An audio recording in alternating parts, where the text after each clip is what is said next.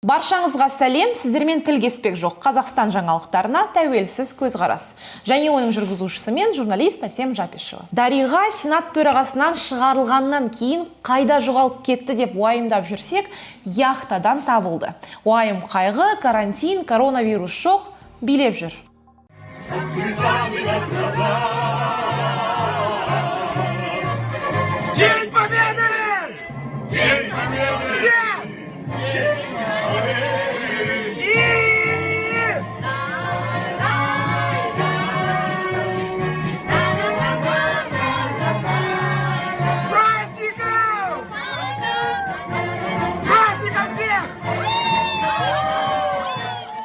Дариғаға день победы болғанымен ел үшін жеңіс күні әлі алыстау сияқты.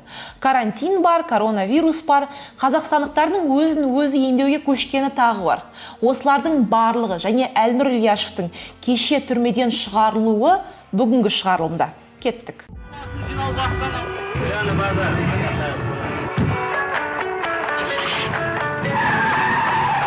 Иә алдымен әлнұр ильяшев туралы айта кетейін. Үш айдан бері қамауда отырған алматылық белсенді әлнұр ильяшевке байланысты кеше алматы қаласы медеу ауданының судьясы залина махарадзе белсенді әлнұр ильяшевті төтенше жағдай кезінде жалған ақпарат таратты деп айыптап бас бостандығын үш жылға шектеу туралы үкім шығарды.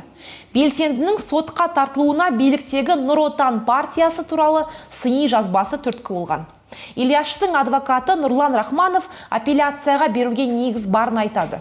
Ең өкініштісі судья ильяшевтің қоғамдық саяси іске араласуына 5 жылға тыйым салды. Яғни үш жыл бас бостандығын шектеу мерзімі аяқталған соң тағы да 5 жыл барлығы 8 жыл қоғамдық саяси істерге араласа алмайды деді рахманов азаттыққа. Сот әлнұр ильяшевті сот залынан босатуды үкім етті. Сот онлайн өткендіктен белсенді тергеу изоляторынан қатысқан. Кейін әлнұрдың жақтастары мен достары оны изолятордан күтіп алды. Әлнұр төтенше жағдай кезінде көрнеу жалған ақпарат тарату деп айыпталған еді. Коронавирус кезіндегі карантинге байланысты онлайн режимде өтіп жатқан процесс кезінде белсенді мен адвокаттары видео байланыстың сапасы нашар екенін судьяның прокурордың бір бірінің дауысын естілмейтінін айтып шағымданды. Ал ильяшевтің өзі соттың залда ашық өтуін талап етіп қажет болса карантин аяқталғанға дейін изоляторда отыруға дайын екенін мәлімдеген. Әлнұр ильяшев әлеуметтік мәселелер адам құқығы мен бейбіт жиын еркіндігі тақырыбында өткен қоғамдық шараларға қатысуымен және қалалық әкімдікке қарсы берген арызымен танымал. Ол қала билігіне бейбіт митинг өткізуге 35 рет өтініш беріп 35 рет рұқсат ала алмаған. Осыдан кейін ол митингіге рұқсат бермеген әкімдіктің үстінен сотқа шағымданып жеңіліп қалған. Кейінірек оған митинг өткізуге рұқсат берген. Әлнұрға шығарылған үкім оның 8 жылға қоғамдық жұмысқа араласуына тыйым салады. Жалпы ильяшевті соттаудың да себебі осында жатыр. Билік осындай жасанды істер арқылы бәсекелестікке жол бермейді. Азаматтық қоғамның дамуын тежейді. Әйтпесе дәл сол бап бойынша қамалған бұрынғы сот мүшесі арман шораев неге кешірім сұратып шығара салды. Әлнұрды мен жақсы білем. Ол белсенділігін біржола тастап кете алмайтын сияқты. Әрі қарай қалай болатынын әрине уақыт көрсетеді. Ал келесі жаңалық назарбаевтар жанұясы туралы болмақ. Нұрсұлтан назарбаев коронавируспен ауырып қалыпты деген жаңалық шықты. Осы жерде бір айта кететін жайт елге коронавирусты әу баста алып келген адамдар шенеуніктер мен олардың туыстары. Мәселен ең бірінші аурулар қалалық сот төрағасы тілектес бәрпібаевтың отбасы германиядан жеке ұшақпен келген әйелі мен тоқалы болған. Назарбаев коронавирус жұқтырып қызы дариға яхталарда билеп жүрген көрінеді. Ал дариғаның ұлы нұрсұлтанның немересі айсұлтан болса есірткіден тіпті ақылынан айырылған сияқты. Оның фейсбуктегі жазулары бұрыннан жұртты күлдіруден де қалып енді тек жанашырлық туғызады. Мысалы коронавирус туралы айсұлтан былай деп жазыпты. Бір және жалғыз құдай нұрсұлтан назарбаевқа оған коронавирустың әсер етпейтінін ол симптомдарсыз өту мүмкін екенін хабарлайды. Сондықтан біздің билігімізде емес нәрседен қорықпаңыз және бақылауға тырыспаңыз. Қорқыныш елес. Бір және жалғыз құдай бар және ол аллах емес. Ол тек бір ғана құдай. Авраам құдайы ной мұса және иса мәсіхті оған сенуге және уайымдамауға шақырады.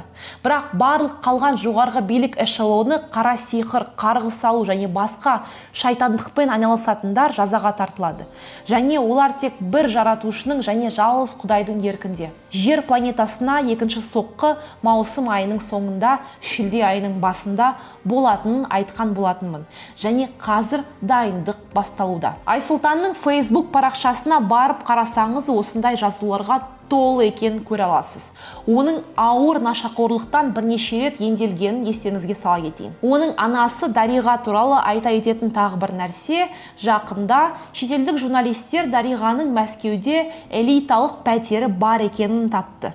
Оның құны 230 миллион рубльге бағаланған. Хабарлағандай назарбаеваның пәтері поварская көшесіндегі 20 үйде орналасқан. Тұрғын үй аумағы 305 шаршы метр. Бұл үйдегі ұқсас пәтерлер шамамен 230 миллион рубльге сатылады. Бақ мәліметтері бойынша бұрынғы қазақстандық көшбасшысының қызы мәскеуде басқада жылжымайтын мүлік бар. OCCRP тергеу тобымен кварц басылымы назарбаеваның шерлок холмстың мұражай пәтері бар үйді қоса алғанда лондонда жылжымайтын мүліктері бар екенін хабарлайды. Экс президенттің қызы мүлкінің жиынтық құны шамамен 200 миллион долларға бағаланады. Ал енді ең бастысы әрине коронавирус. Кеше ғана елімізде 1300 жаңа ауру тіркелді.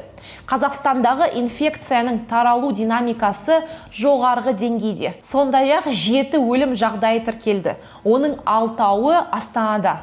Енді елде қатаң карантин демалыс күндері енгізілетін болды. Бірақ оның әсерін жақында бағалау мүмкін емес. Елордалық биліктің айтуынша оның әсері екі аптадан кейін яғни шілде айының басында анықталады. Жағдайдың ең қиыны бізде ауруханаларда орын қалмады. Қазақстандықтар өздерін өздері емдеуге көше бастады. Елде бірнеше күн бойы науқастарды ауруханаларға жатқызуда іркілістер бақылануда. Ауруханаларда орындар жетіспейді. Бірнеше аймақтағы дәрігерлер адамдардан жеңіл симптомдар анықталса жедел жәрдем шақырмауын өтінді. Бірнеше қалада дәріханаларда парацетамол аспирин және арбидол жоқ. Астанада аптасына коронавируспен аурулар саны үш есеге артты. Алматыда да covid 19 ауыр науқастарының саны күрт өсті. Сондықтан тағы бір рет айтарым сақ болыңыздар. Маска киіп жүріңіздер. Үйде отыруға тырысыңыздар. Біз өзімізді ойламасақ бізді ешкім ойламайды. Ал менде бүгінге осы осы видеоның соңына дейін қараңыздар кішкентай музыкалық сыйымыз бар. Каналға жазылып видеомен бөлісіп лайк басуға ұмытпаңыздар. Амандықта көріскенше сау болыңыздар.